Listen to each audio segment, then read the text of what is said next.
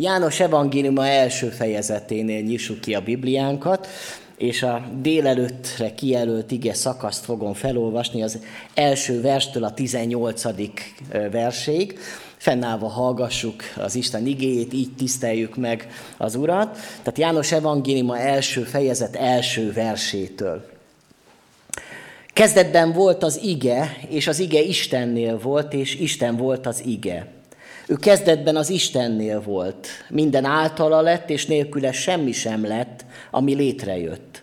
Benne élet volt, és az élet volt az emberek világossága. A világosság a sötétségben fénylik, de a sötétség nem fogadta be. Megjelent egy ember, akit Isten küldött, akinek a neve János. Ő tanúként jött, hogy bizonságot tegyen a világosságról, és hogy mindenki higgyen általa. Nem ő volt a világosság, de a világosságról kellett bizonságot tennie. Az ige volt az igazi világosság, amely megvilágosít minden embert. Ő jött el a világba. A világban volt, és a világ általa lett, de a világ nem ismerte meg őt. Saját világába jött, és az övéi nem fogadták be őt. Akik pedig befogadták, azokat felhatalmazta arra, hogy Isten gyermekeivé legyenek, mindazokat, akik hisznek az ő nevében, akik nem vérből, sem a test, sem a férfi akaratából, hanem Istentől születtek. Az ige testélet közöttünk lakott, és láttuk az ő dicsőségét, mint az atya egyszülöttjének a dicsőségét, telve kegyelemmel és igazsággal. János bizonságot tett róla, és ezt hirdette. Ő volt az, akiről megmondtam, aki utána jön, megelőz engem, mert előbb volt, mint én. Mi pedig valamennyien az ő teljességéből kaptunk kegyelmet kegyelemre. Mert a törvény Mózes által adatott, a kegyelem és az igazság Jézus Krisztus által jelent meg.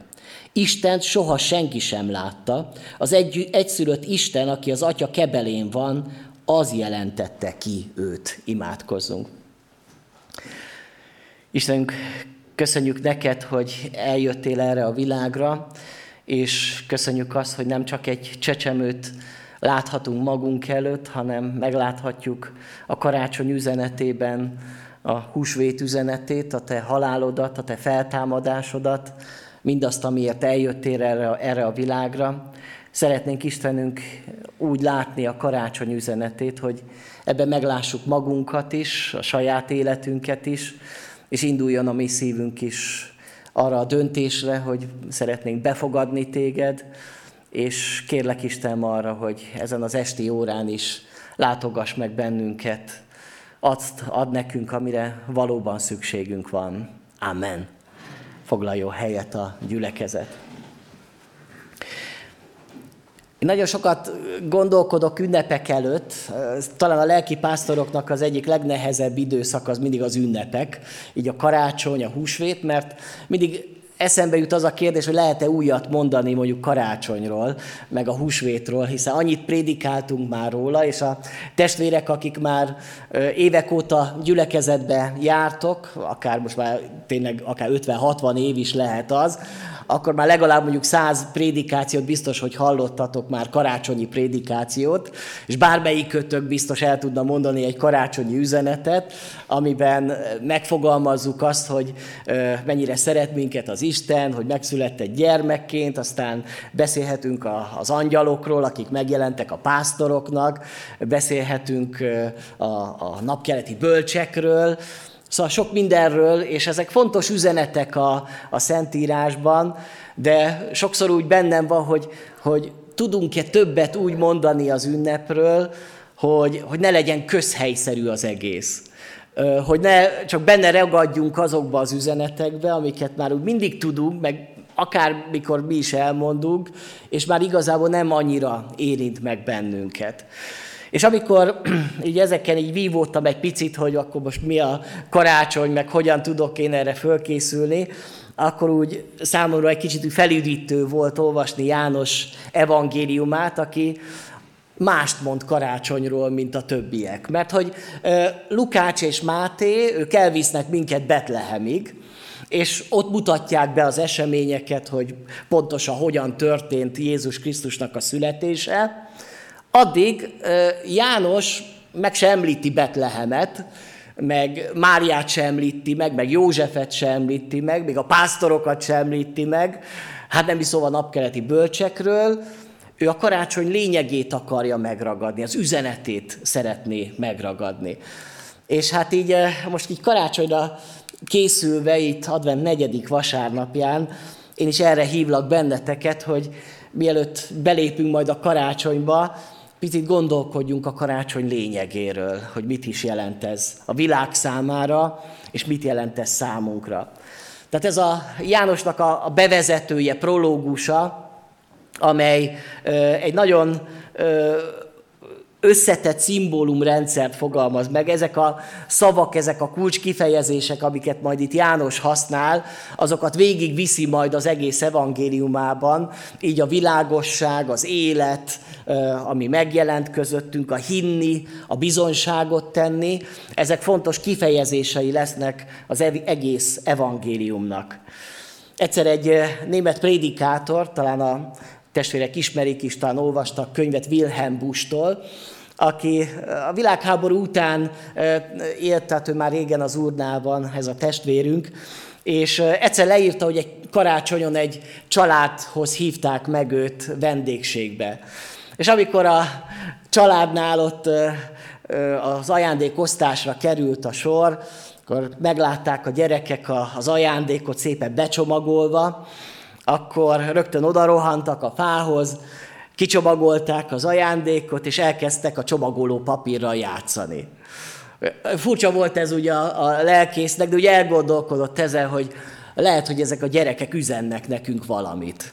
Hogy lehetünk mi is így a, az ünnepekkel, hogy van egy ajándék, amit az Isten adott nekünk, de mi leragadunk a csomagolásnál. Az, ami úgy, úgy talán szép, olyan színes, olyan, olyan, különleges az a csomagolás, de nem az a lényeg, hanem ami benne van a csomagban. És hát mi az, ami a körítés, a sokszor ezek a fények, a színek, a hangulatok, a finom ételek, amiket elfogyasztunk, vagy az illatok, amik belengik ilyenkor a házat, azok mind fontos kellékei az ünnepnek. És lehet, hogy nekünk is legtöbbször ezek úgy eszünkbe jutnak, akár a gyerekkori karácsonyokról ezek a hangulatok, de hogy mennyire fontos az, hogy ezen túl ne ragadjunk le, meglássuk az ajándékot, amit az Isten adott számunkra. És hát én azt gondolom, hogy a világ az abszolút csak a csomagolást látja. Azt is keresi. Tehát, hogy hogyan lehet még hangulatosabb a karácsony. Hogyan lehet még több díszsel földíszíteni a házat, milyen finomabbnál finomabb ételeket lehet csinálni, és hogyan lehet az úgy meghitt a családi körben, de nem jutnak el, vagy nem jut el az ember, hogy felfedezze a karácsony igazán lényeges dolgát, hogy ott valaki eljött közénk, maga az Isten. És ezért beszél János a lényegről, ő nem beszél a csomagolásról, ő beszél a lényegről, Jézusról.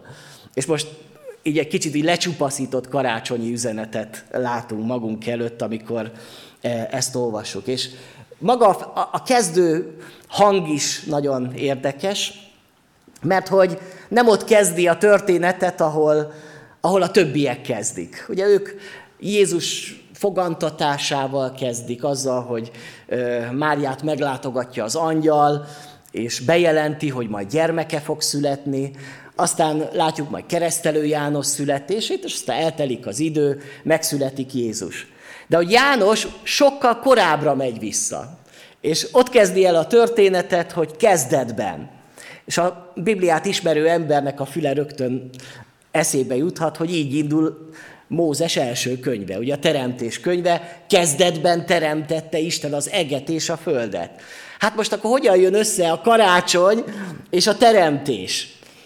És ezt a két gondolatot szeretné valahol már összekötni János, mert hogy Istennek két fontos cselekedete van a Bibliában, az egyik a teremtésnek a munkája, a másik a megváltásnak a munkája. De alapvetően mind a kettő ugyanarról szól, hogy az Isten rendet tesz valahol a világban, valahol helyreállítja a rendet. És ez történik Jézus születésekor is. És lehet, hogy gyakran elcsodálkozunk a teremtett világ szépségen, és ez jó, és ez fontos is. És nagy csodának tartjuk, hogy a semmiből létrejött ez a világ mindenség. De János rá akar döbbenteni minket arra, hogy Jézus Krisztus születése legalább akkora csoda, mint a világ teremtése. Pedig lehet, hogy a mi fejünkbe azt gondolnánk, hogy úgy hát a világ teremtés a sokkal nagyobb dolog, mint az, hogy megszületik Jézus.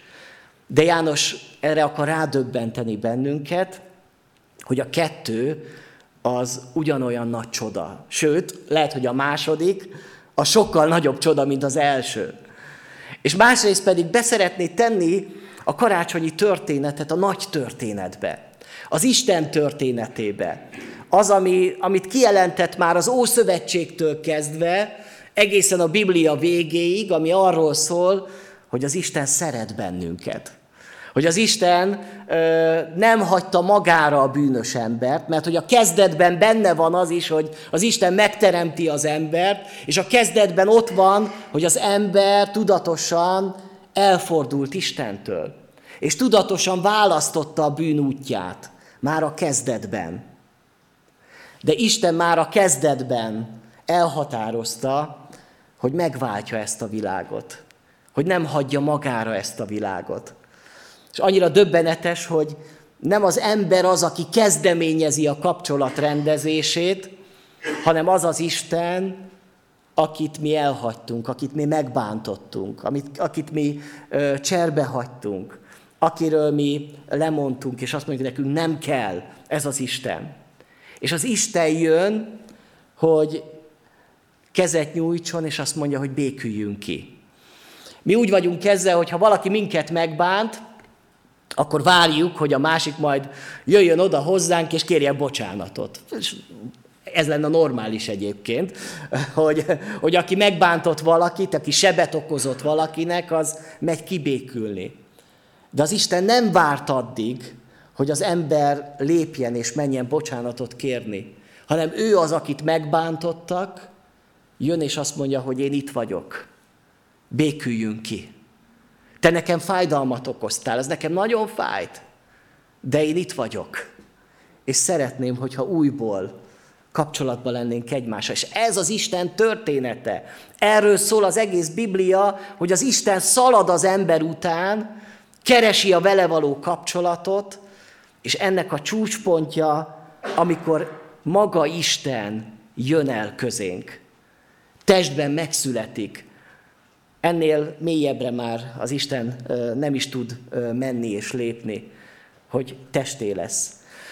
És hát ugye nagyon nagy kérdés, hogy ami egész János evangéliumát foglalkoztatja, hogy kicsoda az a Jézus, aki megszületett. Kit ünneplünk karácsonykor? Egy ártatlan gyermeket, egy nagyszerű vallási alapítót, egy erkölcsi tanút, tanítót, aki megtanított minket arra, hogy, hogy szeressük egymást, vagy valaki többet adott nekünk az Isten. És a karácsony arra az igazságra akarja rádöbbenteni az embert, hogy az Isten jön el közénk. És maga a karácsony kifejezés, az az inkarnáció latin kifejezésből származik, ami azt jelenti, hogy testetöltés. Hogy, hogy amikor az Isten emberré válik, testet ölt az Isten. Ez az üzenet azoknak a görögöknek, akiknek alapvetően megfogalmazta János ezt az evangéliumát, mert az ő ö, szemei előtt azok a görög emberek voltak, akik így lettek keresztényekké. Az evangéliumát mert nem is arámiul írta, hanem ez görögül írta ezt az evangéliumot, és ott látta maga előtt azokat az embereket, akik a görög műveltségükből azt gondolták, hogy a test az valami gonosz dolog. Ők azt mondták, hogy a test a lélek börtöne, és hogy a, a legalantasabb dolog a testben élni, és az ember vágyik arra, hogy végre kiköltözve a testből, majd test nélküli életet éljen. És erre az Isten fölölti magára ezt a testet. És alapvetően ez egy megbotránkoztató dolog. Akik először olvasták és hallották az evangélium üzenetét, azok a görög nyelvű emberek, azok ezen megbotránkoztak. Ez egy botrányos dolog.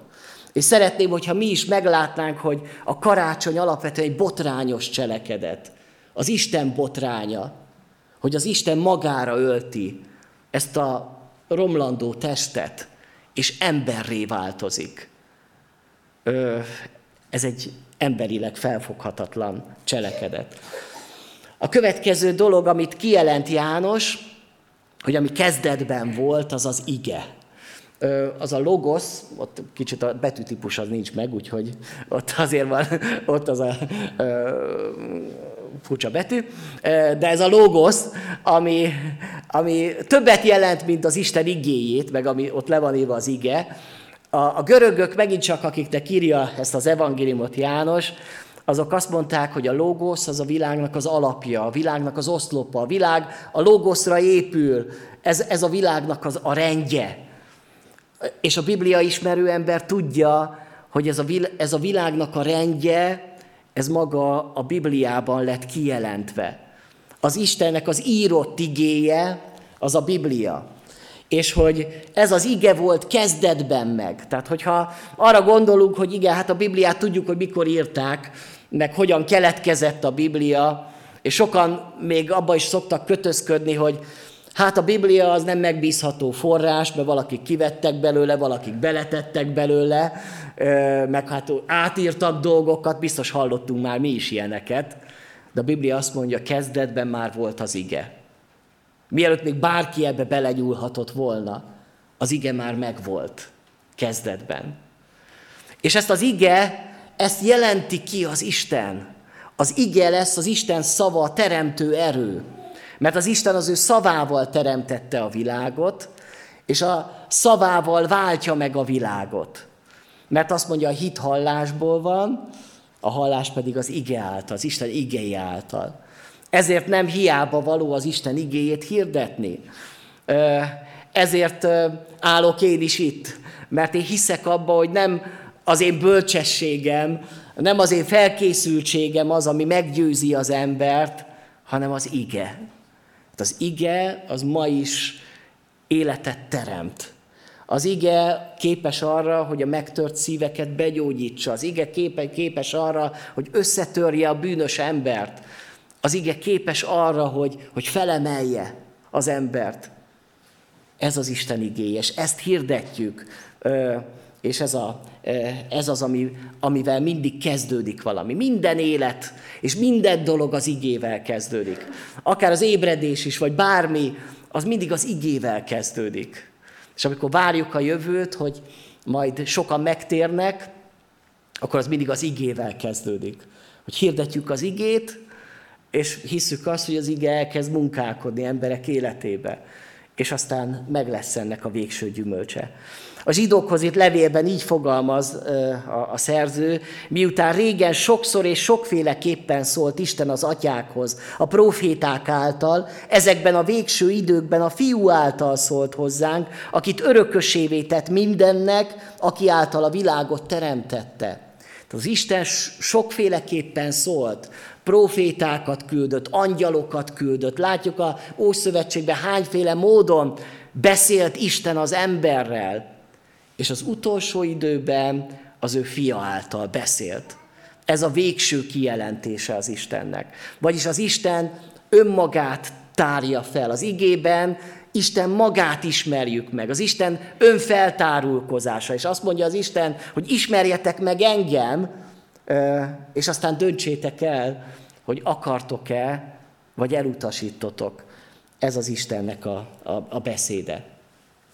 És egy nagyon fontos, amikor János tovább megy, hogy Jézusban az ige testet öltött.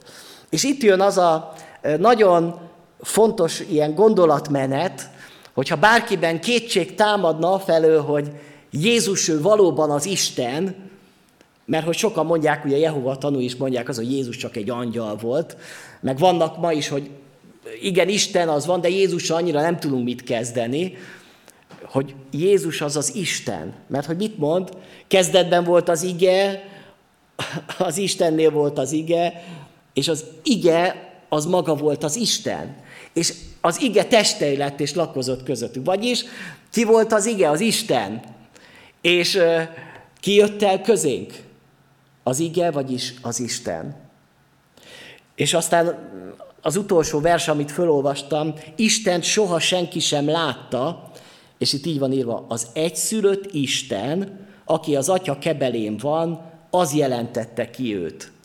Annyira egyértelművé teszi János, hogy itt most nem csak úgy mondja, az Isten fiáról fogok beszélni, mert ez a fogalom is azt jelenti, hogy ő Isten, de itt nagyon világosan mondom, hogy aki ide eljött közénk, az az egyszülött Isten. Maga az Isten. És ez fontos nekünk látnunk, hogy Jézusban az Isten jön el közénk. És aztán, hogy benne az ige testé lesz, és ez valami olyan misztikum, egy olyan, olyan dolog, ami emberésze szinte felfoghatatlan, hogy az ige, amelyet leírva találunk, az Isten beszéde, az Jézusban testet ölt. Vagyis amikor az emberek találkoztak Jézussal, Istennek a, az írott igéjével találkoztak, az Isten beszédével találkoztak. Tulajdonképpen Jézus egy két lábon járó Biblia volt. Furcsa ez a kép, ugye? Most gondoljuk el egy két lábon járó Bibliát. De mit akar ezzel üzenni Isten? Hogy, hogy az embereknek szükségük van arra, hogy az ige az testé váljon. Hogy ne csak írott szavak legyenek. Hát ma hogyan válik testé az ige? Bennünk. Tudjátok, amikor mi hallgatjuk az igét, amikor elkezdjük ezt magunkba forgatni, befogadni az igét, amikor, amikor elkezdünk úgy élni, ahogyan az ige tanít bennünket, akkor bennünk is az ige testé lesz. És tudjátok, testvérek, az emberek nem olvasnak Bibliát. Hiába van az embereknek Bibliájuk otthon, sokaknak van a polcukon, de nem olvassák. Tudjátok, a világ mit olvas? Az Isten két lából járó Bibliáit, vagyis bennünket. Minket akarnak olvasni. Kikerülhetetlen. Az ige testélet és lakozott közöttünk. Vagyis ahol megjelenik az Isten testben, ott beleütköznek az emberek. Beleütköznek az igazságba, beleütköznek magába az Isten személyébe. És amennyire engedem, hogy az én életembe Jézus, a Krisztus testet öltsön, és bennem életté váljon, az ige testé váljon, úgy láthatóvá lesz a mi életünkön keresztül is a Krisztus. Ez az Isten terve. És persze tökéletes módon egyedül Krisztusban vált testé az ige, de erre hív bennünket, hogy éljük meg az igét, váljunk mi is ilyen testé vált igévé. Van egy dal Pintér Bélának, aminek az a címe, hogy, hogy Isten arca. És van egy mondat, ami így hangzik, Isten emberré vált, hagyta, hogy meglássuk arcát, ő, aki örök trónon ül, kilépett a függöny mögül. Olyan jó kép ez, mert hogy az Istent nem látta senki. Itt is úgy fogalmaz, Isten soha senki nem látta, de az egyszülött Isten, aki az atya kebelén van, az jelentette ki őt. Isten elbújt, az emberek nem láthatták az ő arcát. Ő a szentek szentjében még kárpit választotta előtt, az emberek nem mehettek be, nem mehettek közel hozzá. De egyszer csak Isten kilép a függöny mögül, és azt mondja, hogy figyeljetek, itt vagyok, nézzetek. Isten bemutatta az ő arcát Jézus Krisztuson keresztül. Teljesen kijelentette önmagát. Ő lett az ige, ő maga az ige. Nem tudom, értjük -e ennek a, a döbbenetes kijelentését, amit János itt feltár ebben a bevezetőben. A következő dolog, amit mond János, hogy benne élet volt. És itt a görögben nagyon érdekes az élet, mert hogy van a bios, az az egyik élet, és van a zoé, a másik élet. A bios, abból származik a biológia, az a biológiai létezésünket jelenti az mindenkinek megvan, aki megszületett, mert mindenki eszik, iszik, meg szaporodik, meg lélegzik, meg dolgozik, meg csinál dolgokat, de hogy nincs élet. Mert az élet az Jézusban jelent meg. És akiben nincs meg a fiú, abban nincs meg az élet maga. Mert akié a fiú, azé az élet. És akiben nincs meg az Isten fia, az élet sincs meg abban. Biológiailag van létezése, de nincs élete. Ezért mondja Pálapostól, hogy titeket is, akik halottak voltatok a ti bűneitekben, megelevenített együtt a Krisztussal. Hogy élet. Akkor kezdtem el élni, amikor újjá születtem. Amikor megtértem, amikor Jézus a szívembe jött, az élet beköltözött a szívembe, akkor kezdtem élni. Addig csak biológiailag léteztem, addig ilyen félhalott voltam. Emlékszem, volt egy barátom, aki elmesélte a megtérését, hogy ő egy horrorfilmen tért meg. Elment egyszer moziba, de persze előtte már hallotta ő az evangéliumot, meg mondtak neki nagyon sok mindent az ő barátai, akik hallott bizonságtételeket, és elment megnézni egy ilyen zombis filmet, nem tudom, hogy tudják a testvérek, a zombik azok ilyen élő halottak, akik kijönnek a sírokból, és így riaszgatják a, az élőket. És amikor közben nézte a filmet, rádöbbent arra, hogy én egy zombi vagyok. Hát bennem nincsen élet. Hát én járok, kelek, én itt olyan vagyok, mint ezek a zombik, de nincs bennem élet. Az hiányzik. És miközben nézte a horrorfilmet, összetört, és ott sírt. Mire kiment, már volt benne élet. Mert befogadta Jézust a szívébe. Tudjátok, ez, ez az evangélium. Ezért jött el Jézus, az élet jött el közénk. És olyan nagy kérdés az testvérek, hogy mi, akik már újjá születtünk, Isten gyermekei vagyunk, hogy van bennünk élet?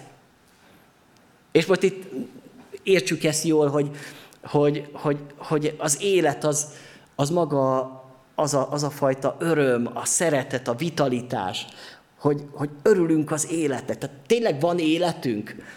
És sokszor hallom az emberektől, világi emberek mondják, hogy, hogy nincs életem.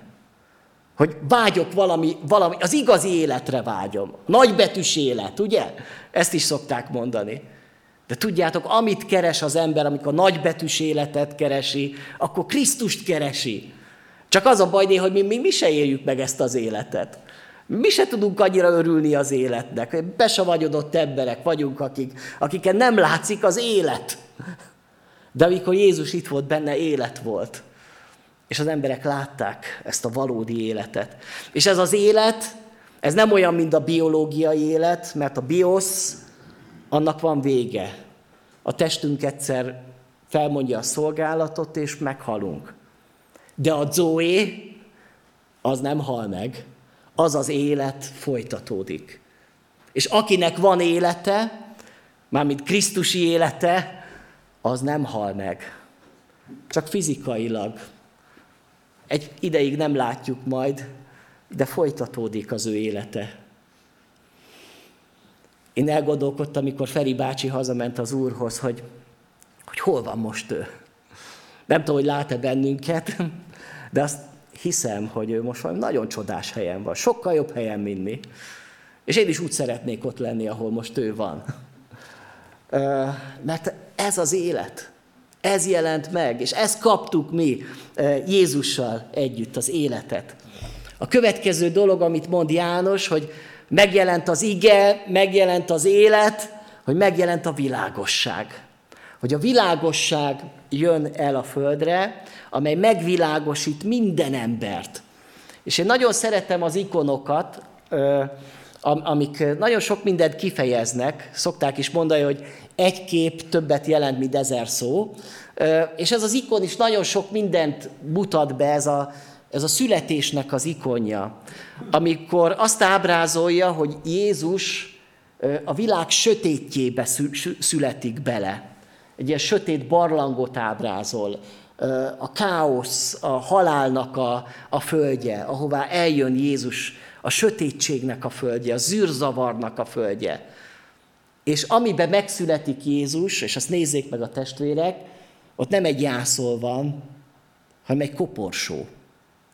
Az a művész, aki ezt így kitalálta, valami nagyon nagy dolgot talált ki, nagyon jól megértette, hogy Jézus egy ilyen halálra szánt testbe születik bele, a halálba születik bele, azért, hogy legyőzze ezt a halált. A világosság betör a sötétségbe. És testvérek, ez a sötétség, ez nem csak a világban van, mert a világban sötétség van, azt tudjuk, azt érzékeljük, de hogy ez a sötétség a mi szívünkben is ott van. Ott van bennünk a zavarodottság, Ott van bennünk a bűnnek a sötétsége, az értetlenségünk, a, a, a kétségbeesésünk, ennek a sötétjében élünk mi. És ebből a sötétből mi nem tudunk kikeveredni, hanem amikor az Isten bevilágít ebbe a sötétbe, beragyog az ő fénye, akkor egyszerűen kitisztul minden. Emlékszem az én megtérésemre, hogy volt két álmom. Az egyik álmom még megtérésem előtt volt, mikor már nagyon olvastam a Bibliát, és még kerestem a válaszokat, még nem voltam megtérve, de volt egy álmom, amikor voltam egy nagyon sötét szobába. És emlékszem, hogy próbáltam menni valahová, de mindig elestem, mert mindig valami akadály volt előttem. Olyan, mintha vak lettem volna, és csak botorkáltam, és, és, és teljesen kétségbe voltam esve, és egyszer csak nyílott egy ajtó, és az ajtó mögött ott nagyon világos volt. És talán ilyet mi már láttunk, ugye, amikor este, amikor egy sötét szobában vagyunk, és kinyitják az ajtót, és kicsi beszűrődik egy kis fény. Még nem az egész szobát világítja meg, hanem csak egy pici ilyen kis csíkba ott van ez a fény, de már látom, hogy valami fény van ott. És itt vége volt ennek az álomnak.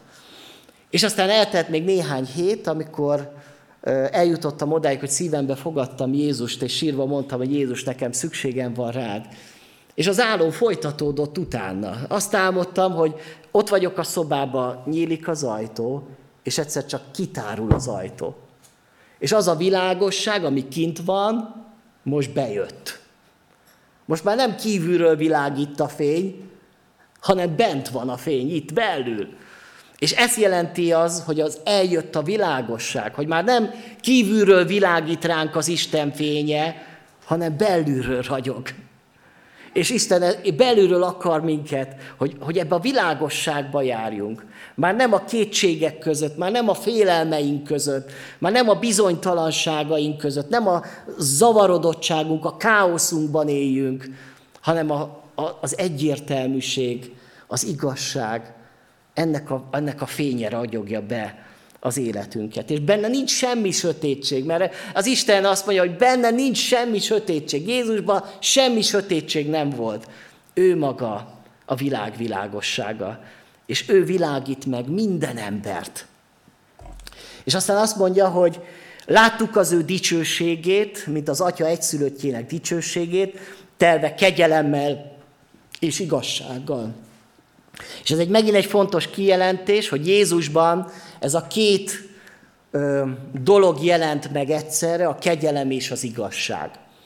Mert hogy a kettő együtt. Amikor az ember azt gondolja, hogy igen, Jézusban a kegyelem jelent meg, ez, ez igaz, de ha csak azt mondjuk, hogy kegyelem igazság nélkül, akkor az a mindent elfogadás, ugye?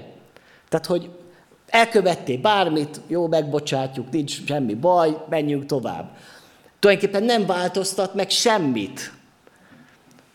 A kegyelem az igazsággal, mert az igazság azt mondja, hogy igen, te ilyen vagy. Ez az igazság, de ott a kegyelem mellette.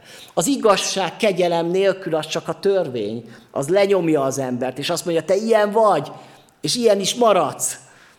Ilyenek voltak a vallásos emberek Jézus korában, hogy ott volt az igazság, de nem volt mellette a kegyelem. Jézusban egyszerre megjelent a kegyelem és az igazság. És amikor mi hirdetjük az evangéliumot a gyülekezetbe, egyszerre jelenjen meg, és egyszerre kell megjelenni a kegyelemnek és az igazságnak. Ha az nincs együtt, akkor az a gyülekezet félre fog menni. Vagy törvénykező lesz, vagy ilyen hiperkegyelmet fog hirdetni, ahol nem lesz megtérés. A kettő együtt jelent meg. És a legtisztábban ezt a Golgot a keresztjén látjuk ahol ott van Isten igazságossága, aki bűlöli a bűnt, az Isten, akiben nincs be, semmi sötétség, és megbünteti a bűnt. És ott van a kegyelem, hogy a bűnös helyett az ő egyszülött fiát, az ártatlan fiát bünteti a kereszten. A kegyelem és az igazság. És az evangélium ezt a két igazságot mondja, hogy kegyelem és igazság jelent meg Krisztusban. A következő kijelentés az, hogy a saját világába jött el Jézus. Vagyis nem egy idegen bolygóra jött, vagy egy idegen földre jött, és azt mondja, hogy most én jöttem hódítóként, és most meghódítom ezt a földet. ami, ami nem az enyém volt, hanem ismerjük azt a példázatot, amikor a gonosz szőlőművesekről azt mondja Jézus, hogy volt egy gazda, aki kiadta az ő szőlőjét a, a, munkásoknak, és aztán előbb-utóbb küldött, mikor jött az, a, a szüretnek az ideje, küldte a szolgákat, hogy hozzák be a, a termést, és akkor a szolgákat megverték, kidobták a szőlőből, vagy meg is ölték, és utoljára azt gondolta, elküldöm az én fiamat, hogy majd őt meg fogják becsülni. És mit tettek az emberek? Megölték és kidobták a szőlőn kívülre. Ez mind a kettőképp döbbenetes. És mit tesz majd ugye a, a szőlő gazdája, hogy elveszi tőlük a szőlőt, és majd másnak adja. De tudjátok, ebbe benne van az, hogy az ember van annyira büszke, hogy azt gondolja, ez a világ az az enyém. Még a sátán is azt gondolja, hogy az övé, ugye? Mert azt is, ő is azt mondja, hogy a enyém, enyém, annak adom, akinek akarom. Ha leborulsz, akkor imádsz engem, akkor neked adom, azt mondja Jézusnak. Jézus mondhatta volna, hogy figyelj, hát van egy kis zavar itt, mert ez az enyém. Tehát mit tudsz nekem adni, ami nem az enyém? De a sátán azt gondolja, hogy az övé. Meg az ember is azt gondolja, hogy az övé. De a Biblia kijelenti, hogy ez a világ az övé, mármint Istené, Jézusé. Sőt, még ennél tovább megyek, hogy az ember is az övé. A teremtettség okán minden ember az ő tulajdona. Ő alkotott minket. A teremtettség jogán ő, jogot képviselhet az emberre. De ezzel a jogával nem él az Isten. De mégis kijelenti, hogy, hogy az enyém vagy. Ha akarod, ha nem, az enyém vagy, mert én teremtettelek. Persze Isten azt akarja, hogy nem csak a teremtés révén, hanem a megváltás révén azért saját döntésem alapján legyek az övé. Aki eredetileg volt az életem, azé legyen az életem. Vagyis Jézus a saját világába jött el. És aztán közöttünk lakozott. Nem csak, hogy eljött erre a földre, közöttünk lakozott az Isten. Ez a kifejezés azt jelenti, hogy az ige testélet is közöttünk lakott, hogy közöttünk sátorozott az Isten. Ez olyan, mint amikor a pusztai vándorlás során mindenkinek voltak sátrai. És egyszer csak az Isten azt mondja, hogy figyeljetek, építsetek nekem is egy sátrat. Ez a szent sátor, ugye? Ez lett a, ebből lett később a templom ennek mintájára. De az Isten már ott azt mondja, hogy én közöttetek akarok sátorozni. Közöttetek akarok lakni. Ez volt az Isten eredeti terve. Pedig milyen népek voltak ott? Hát a, a, Isten népe éppen akkor előtte vagy utána ott éppen báványokat imádott, csinálta ott a, a, a, az aranyborjút. És akkor az Isten azt mondja, én mégis ott akarok lenni közöttetek. Olyan, mint amikor elhív minket egy ilyen hétvégére az Isten, hogy szeretnék vele csátorozni, egy közös sátorba, hogy te meg én. És akkor majd ott piknikezünk, sütögetünk halakat. Értitek ezt a képet, hogy az Istenek egy olyan bensőséges kapcsolata, amire engem hív és téged hív, hogy gyere, töltsünk időt együtt, hogy gyere, barátkozzunk, gyere, sátorozzunk már együtt, piknikezünk egyet, töltsünk időt. Az Isten közöttünk van. Amikor megjelen Jézus, akkor az az egyik neve, hogy Immanuel, vagyis velünk az Isten. Itt van közöttünk. És amikor mi karácsonyt ünnepeljük, akkor azt ünnepeljük, hogy az Isten közénk jött, közöttünk sátorozott, közöttünk lakott. De én azt mondom, hogy nem csak a múltban, nem csak amikor Jézus élt, hanem ma is itt van közöttünk. És ma is cselekszik, ma is része akar lenni a mi életünknek, a mi mindennapjainknak, még harcainknak is. És aztán ott van János, aki nem a világosság, annyira egyértelműen beszél róla itt János az evangélista, hanem hogy ő azért jött, hogy, hogy bizonyságot tegyen az igazságról, a világosságról. És itt meglátjuk azt a, megint csak egy kulcs kifejezését, ami a karácsonynak is lehet üzenete, hogy azok, akik tapasztalták az életet, a világosságot, azoknak az a feladatuk, mint Jánosnak, hogy ezt el kell mondani másoknak, hogy bizonyságot tenni róla. Mert hogy a cél, hogy az emberek higgyenek ő benne. 98-szor szerepel az evangéliumban a hinni kifejezés. a hitáltal megragadni az Isten igazságait, az Isten valóságát.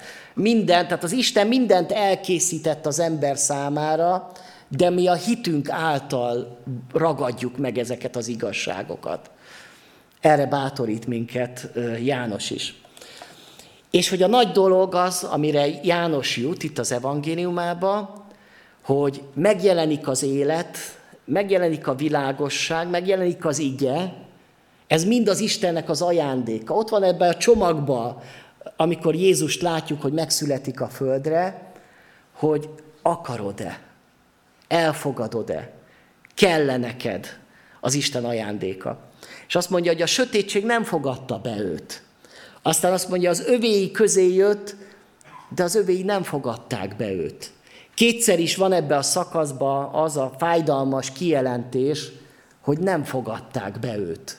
Nem akarták. És a karácsony arról is szól, hogy a karácsony ez nem automatikus, a karácsony döntésre hív bennünket, mindannyiunkat, hogy akarom-e, befogadom-e, vagy elutasítom. És persze mondhatnánk azt, hogy mi már befogadtunk, mert mi már Jézussal vagyunk, mi már keresztények vagyunk, de érdekes, hogy amikor a laudíciai gyülekezetnek ír Jézus, hogy íme az ajtó előtt tárok és zörgetek, ott hívőket szólít meg. Hogy hívők ajtaján is, szíve, szíve ajtaján is kopogtat Jézus, hogy akarok bemenni az életedbe. És most itt az ünnepek előtt nagy kérdés az, hogy engeded-e be a szívedbe, az életedbe Jézust. Hogy én veled akarok ünnepelni. És nem akarom azt, hogy Jézus, majd ott ünneplünk majd karácsonykor a családba, minden nagyon cuki-muki lesz majd, és minden tökéletes lesz majd, de te ott kívül rekedsz. Hanem befogadtuk őt, bejött közénk, és ő van az egészben, ő a lényeg. Énok könyvében úgy fogalmaz, 42. fejezetében, ez egy apokríf irat, hogy a bölcsesség elment, hogy a nép gyermekeivel lakozzon. De nem talált lakóhelyet, úgyhogy a bölcsesség visszament az ő helyére, és az angyalok között telepedett le. Hát ez érdekes, ugye ez egy apokríf irat, de hogy alapvetően ugyanazt fogalmazza meg, mint János, hogy eljött közénk a bölcsesség, az ige, de az emberek nem fogadták be őt, nem akarták. És szomorúan megy vissza az angyalok közé. De Jézus azóta is szüntelenül kopogtat az emberi szíveken. És azt gondolom, hogy ezen a karácsonyon is szeretne sok ember életébe beköltözni, belépni. Akár a mi életünkbe, akár a barátainknak az életébe, családtagjaink életébe. Hogy az az üzenet, ami eljött karácsonykor, az bennük is életet eredményezzen. Hogy számukra is megjelenjen az élet és a világosság. De akik befogadták őt, ugye, akik már, akik úgy döntöttek, hogy amikor Jézus kopog, akkor azt mondom, hogy Jézus itt vagyok, szívem kitárva, hogy azokkal megtörténik az a csoda, hogy Isten gyermekeivé lesznek, akik nem testtől és vértől, sem a férfiú akaratától, hanem Istentől születtek. Ez a legnagyobb csoda. Ez a karácsony csodája, a születésnek a csodája, ami ott megtörtént, ott 2000 éve, mikor Jézus megszületett egy testben, de megtörténik ugyanez a csoda, amikor egy hitetlen ember, egy Istent kereső, vagy egy Istentől távol levő ember azt mondja, hogy Jézus, én megnyitom a szívemet, és megtörténik az a csoda, hogy újjászületik. Megszületik benne Jézus. Bejön a világosság az életébe, bejön az élet, bejön az ige, és elkezd élni. Ez a Isten csodája. Az evangélium a végén ezt mondja János, ezek pedig azért irattak meg, hogy higgyétek, Jézus a Krisztus az Isten fia, és e hitben életetek legyen az ő nevében. Vagyis az egész azért van megírva, hogy, hogy higgyetek ő benne, és aztán legyen életetek, hogy életetek legyen ő benne. És még egy dolgot jelent ki itt János, hogy az ő teljességéből kaptunk kegyelemből, kegyelmet kegyelemre. Ez egy annyira szép megfogalmazás, hogy a kegyelemből való élést mutatja, hogy az már kegyelem volt, hogy meghallhattuk az ő hangját, kegyelem volt, hogy eljött Jézus, hogy megjelent közöttünk az ige, de hogy az Isten azt mondja, hogy van még több kegyelem. Hogy mi azt mondhatjuk, hogy mi, mi nekünk már egy elég volt a kegyelemből, ugye? Tehát most már, most már sokat kaptunk belőle, újjászülettünk, megtértünk, megbocsátotta Isten a bűnünket, de azt mondja Isten, hogy van még több. Hogy a kegyelemet kegyelemre kapunk, hogy még több kegyelmet. És amit Isten akarna, akar ajándékozni nekünk ezen az ünnepen, ez a még több kegyelem. Hogy még többet önmagából, még többet az ő igazságából, még többet az ő világosságából, még többet az ő életéből, még többet az ő igéjéből, kegyelmet kegyelemre. És ezt akarom én, és azt erre vágyom. És aztán ugye erről ezt látjuk és tanúskodunk róla, vagyis erre hivattunk el. És most már befejezem, hogy sok kérdést tesz föl nekünk János így az evangélium elején, hogy ki nekünk Jézus, hogy felismertük-e Jézusban, abba a pici megszületett kis babába, hogy az Isten jött el közénk, hogy az Isten született meg közöttünk, aki közöttünk lakott. És hogy hogyan döntöttél már, hogy befogadtad-e őt a szívedbe, ha befogadtad, akkor régen lehet, hogy ez megtörtént, de hol van most Jézus benne az életed közép, közepén? Vagy már egy picit úgy kiszorult belőle? És a következő, hogy erről bizonyságot teszel-e, mint János, mármint a keresztelő János, hogy akik megtapasztaltuk ezt a kegyelmet, ezt mondjuk tovább.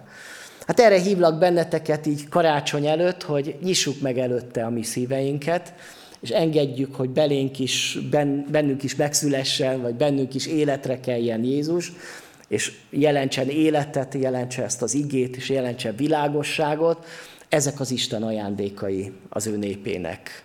Amen.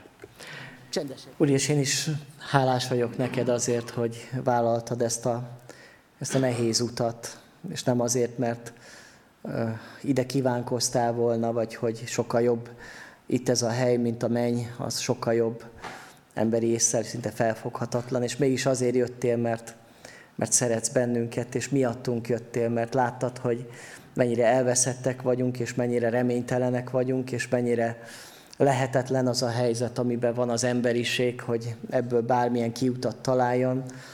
És te nem azt nézted akkor, hogy hányan fognak majd téged befogadni, nem mérlegeltél, hogy ez most megéri-e, hanem jöttél. Akkor is jöttél volna, ha csak egyetlen egy ember mentettél volna meg.